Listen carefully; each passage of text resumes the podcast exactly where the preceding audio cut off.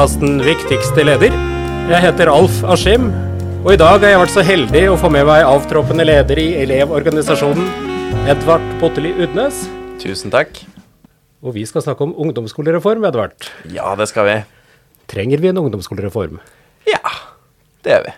Det er eh, store strukturelle problemer eh, i ungdomsskolen, både på eh, pedagogikk, men også på strukturen av eh, skolen, hvordan, hvor mye valgfrihet man har, men også på maktforskjellene og maktbalansen i skolen. Eh, det, er, eh, det er sånn i barneskolen, ungdomsskolen og videregående så har vi et, en maktfordeling mellom elever, lærere og ledere, og også myndigheter, som egentlig kan dateres til forrige århundre, eh, som ikke nødvendigvis gjenspeiler den demokratiopplæringen vi har lyst til å ha i skolen, eller faktisk en smak på hvordan livet kommer til å være.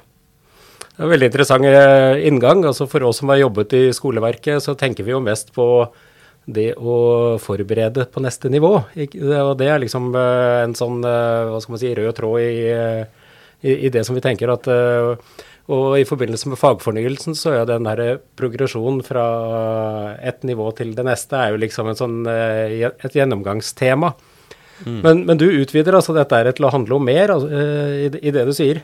Ja, altså man må, jo, man må jo se på eh, formålsparagrafen i opplæringslova. At man skal både bli utdannet, men man skal også bli dannet. Man skal bli en samfunnsborger. Skolen skal forberede deg på livet. Så når man tenker kun neste nivå innenfor en skolekontekst, så vil man jo ikke se hva det egentlige neste nivået er. For det ene nivået er skolegangen, og det andre nivået er livet. Eh, så man må jo faktisk få en smak på den radikale friheten man får, enten når man er student eller begynner å jobbe, eh, og også det ansvaret man har som et menneske for å kunne fungere rundt andre mennesker og i et samfunn. Hva mener du vi trenger å gjøre med ungdomsskolen for å nærme oss dette? Altså, det, det, det, er flere innganger her. da Man kan se det i skolekonteksten, at ungdomsskolen ikke forbereder deg på videregående opplæring. Uh, uavhengig hvilken retning du tar.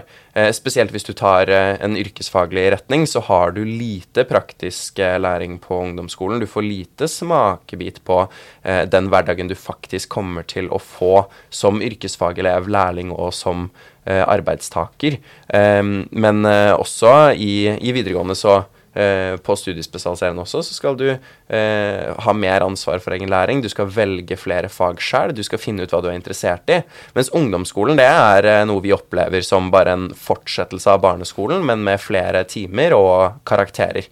Eh, så man får mer eh, krav. Eh, rent faglig, men man får ikke nødvendigvis mer ansvar som person og som deltaker i et samarbeidsprosjekt. Eh, så vi må ta og gjøre ungdomsskolen mer fleksibel, vi må ha mer valgfrihet. Eh, og vi må også styrke elevens rolle og stemme i ungdomsskolen til å faktisk være en del av et skolesamarbeid, og ikke kun en passiv kunnskapsmottaker. Det har jo vært sagt uh, i løpet av de siste ukene at uh, det er mulig å løse dette uten reformer. Uh, hva, hva, tenker du om det? Altså, jeg mener det kommer fra et ganske privilegert standpunkt. Eh, at eh, de som har en del makt i skolen allerede, mener at dette kan løses innenfor dagens rammer. Eh, og vi vet at både lærere og ledere og, og kommunene også, de ber om mer tillit og mer makt, men de har allerede en del, hvis man sammenligner det med elever. som betyr at man kan godt løse mange problemer i skolen i dag med bedre finansiering, flere lærere, mer tillit til lærere og ledere. Men man kommer ikke til å løse de store strukturelle utfordringene som omhandler elever, og som gjør at elever ikke nødvendigvis får skape den skolehverdagen hvor de trives best, og hvor de lærer best. For det er norske elever som er ekspertene, som er våre fremste eksperter på skolemiljø og på læringsmiljø. For det er de som opplever det, det er de som vet hva som funker, det er de som vet hva som ikke funker, og det er de som vet hva de egentlige problemene er. Som betyr at hvis man skal eh, ha en skole hvor alle avgjørelsene skal tas av de voksne, de rundt de avgjørelsene skal påvirke, så vil man aldri finne gode eh, problemanalyser. Man vil aldri finne gode årsaksforklaringer, og man vil i hvert fall ikke finne gode løsninger.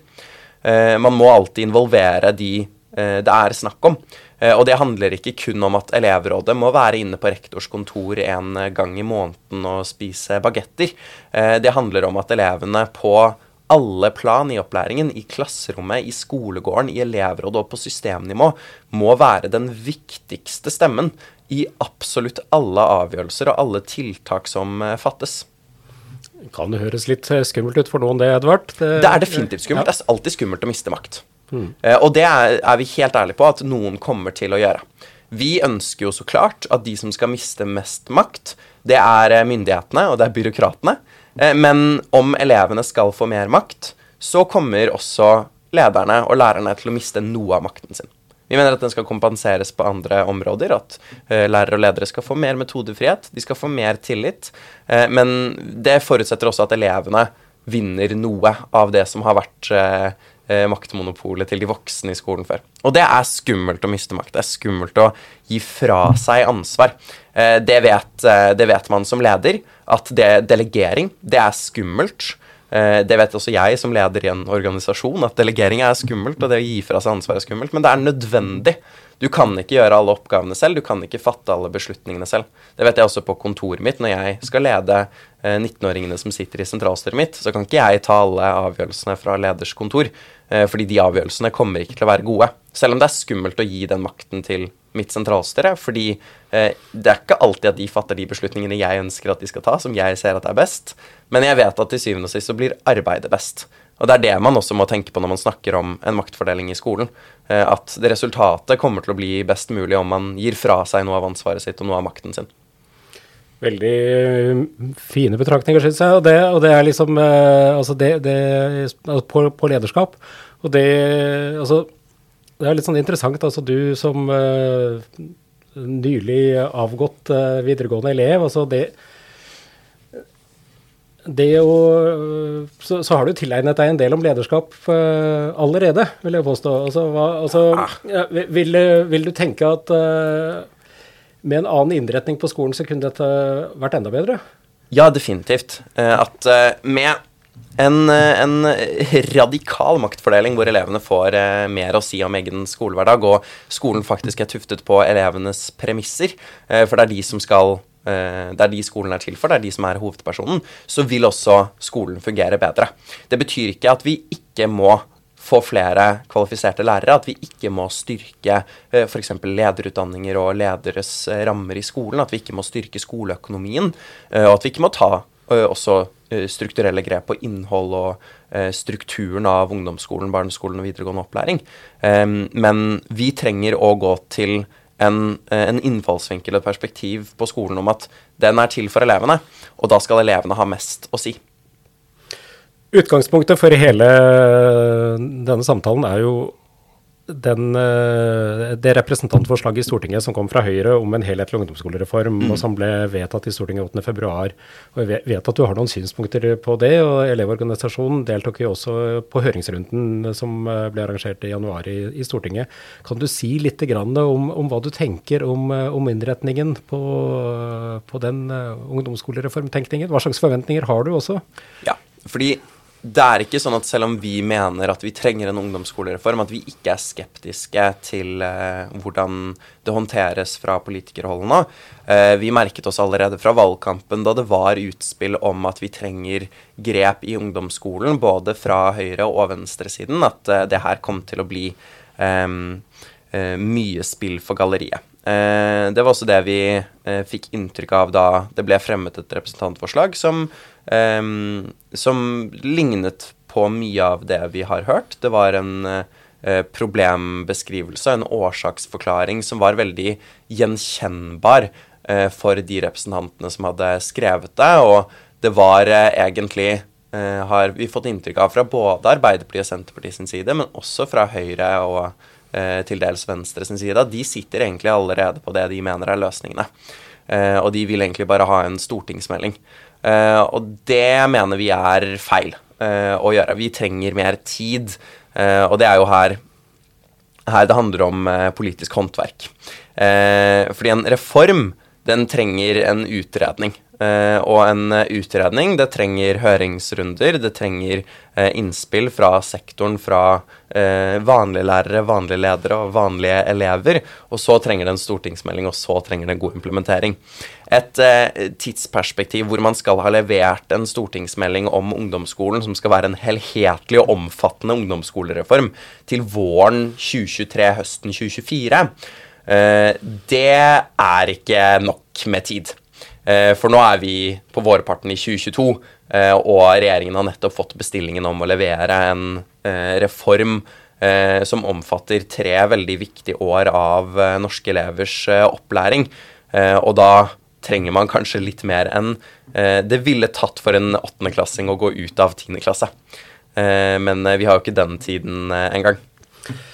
Eh, lyst til å hoppe litt på det politiske håndverket. fordi eh, altså Jeg har jo vært med før i eh, referansegruppa til Lied-utvalget, som jo da munnet ut i eh, det som ble fullføringsreformen, og som jo nå er litt eh, i et vakuum akkurat nå. Eh, og kan vel si Opplevelsen for noen av oss som, som var med i det arbeidet, var, var, jo at det var lite sammenheng i det som foregikk. og at, at det er noe med å så ja, man trenger å gjøre endringer i videregående skole også, men uh, uh, jo mer man liksom begynner, begynte å dykke ned i materien, så, så er det jo noe med altså, hvor, Hvorfor har vi ikke begynt på ungdomsskolen først? Mm. Uh, kan du si. Og det her med Har du noen gode tips til oss som skal være så nå, nå, skal jo du ut av Elevorganisasjonen eh, til sommeren og gi, gi det som leder. Vi skal ikke rippe opp for mye i det, Edvard. men, eh, men eh, har du noe, liksom, eh, noe tips til, til uh, hva vi kan gjøre for å liksom, få større blikk på helheten, istedenfor å bare jobbe med biter og jobbe med snevre tidsfrister? Mm. Og det er jo morsomt at du nevner dette med Lied-utvalget, at uh, man, man, satt der og tenkte vi skulle jo begynt med ungdomsskolen. Og det er nok det jeg tror mange kommer til å tenke når de eh, sitter med ungdomsskolereformen og tenker oi, vi skulle nok begynt i barneskolen. Eh, og, og, det er der vårt perspektiv som elevorganisasjon kommer inn, at vi mener at skolen trenger en helhetlig strukturendring. Eh, at eh, man må ha mer eh, ansvar, mer frihet, mer makt. Eh, fra, allerede fra første klasse på barneskolen av.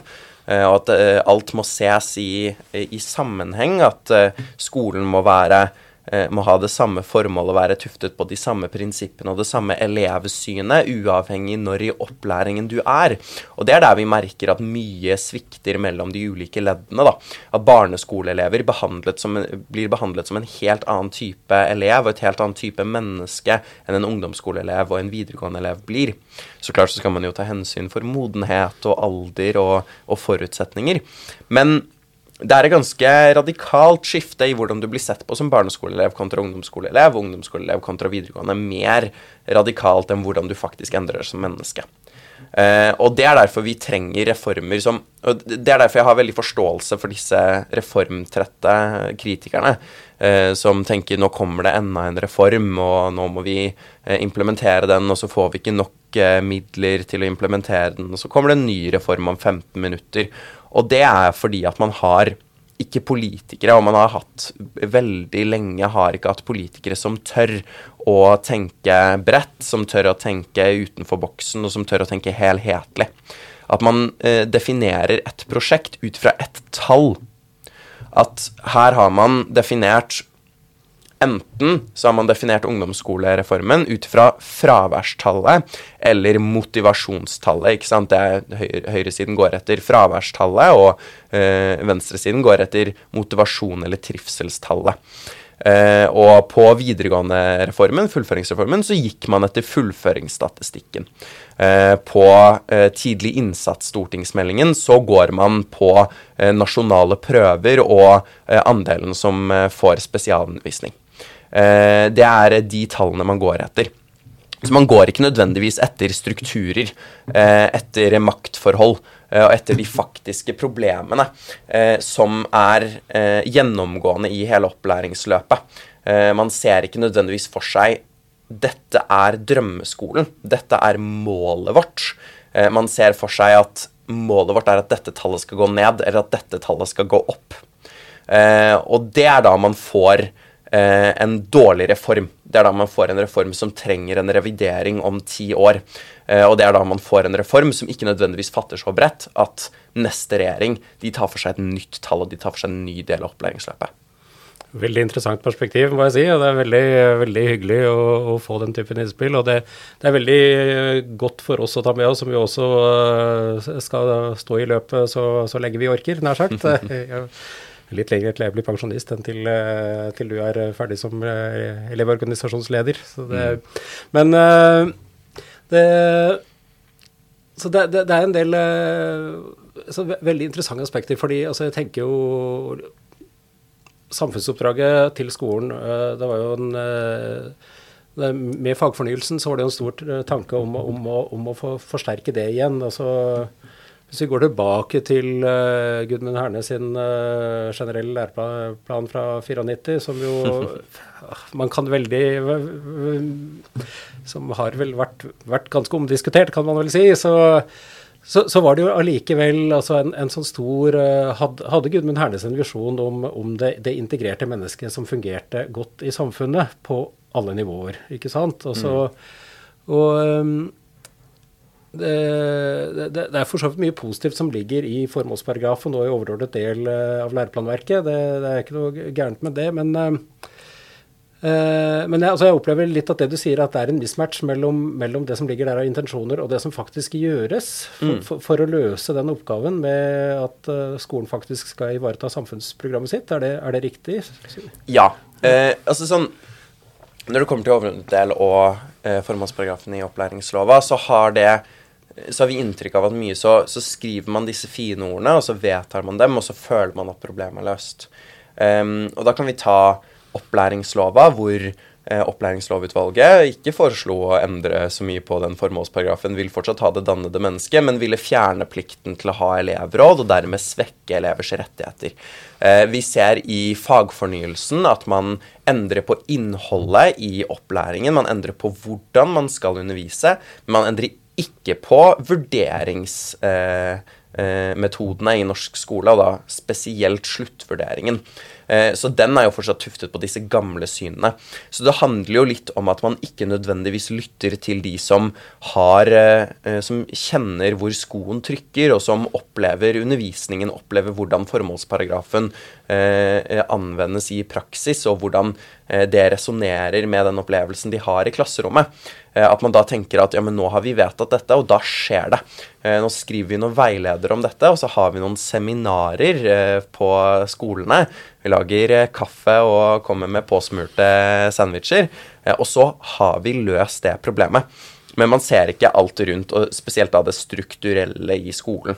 Eh, at vi har kanskje bygget et hus som på, for veldig, veldig lenge siden, og vi driver og konstant pusser det opp.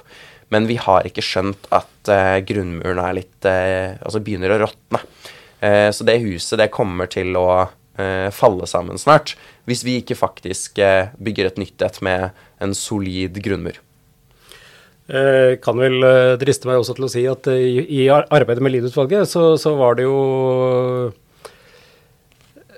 Iallfall jeg, jeg ble jo sittende litt med en sånn følelse av at uh, nå planlegger vi 1980-tallets industrisamfunnsskole på nytt, uh, på en måte. Altså og jeg opplevde altså Jeg tenkte jo egentlig altså Inngangen, uh, bare for å hoppe tilbake til det, litt som at uh, intensjonen var egentlig å kaste kortene.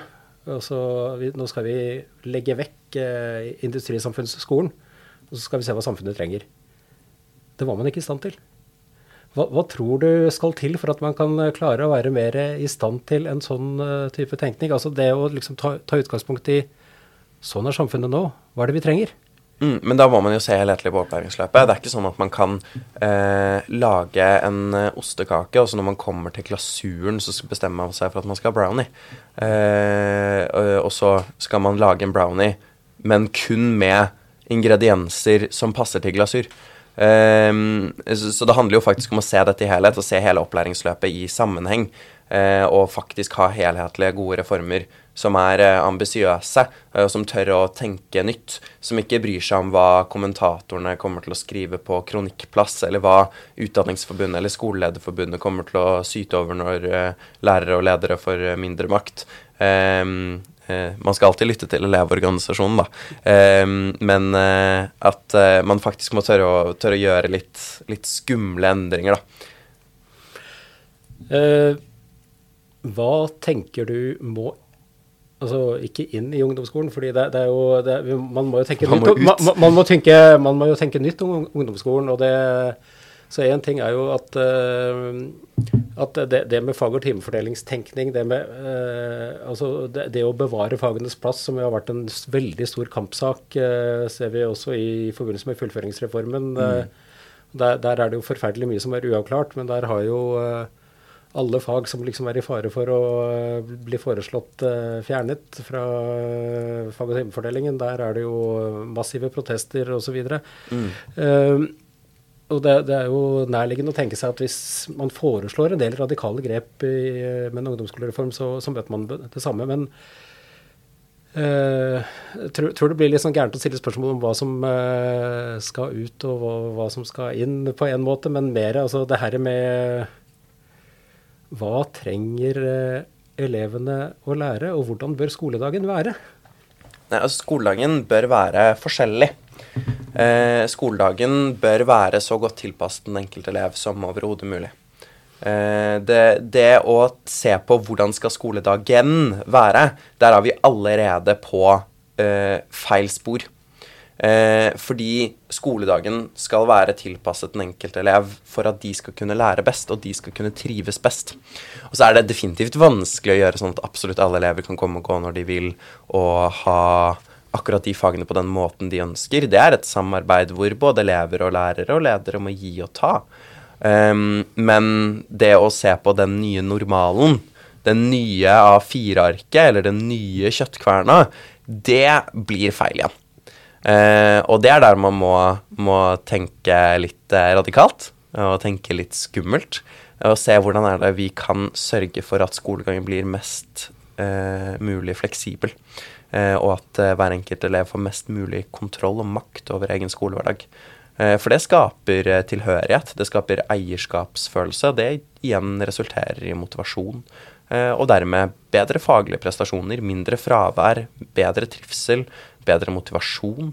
og vi ser jo at alle pilene går i feil retning på ungdomsskolen. og det har kanskje noe å gjøre med at du får lengre skoledager.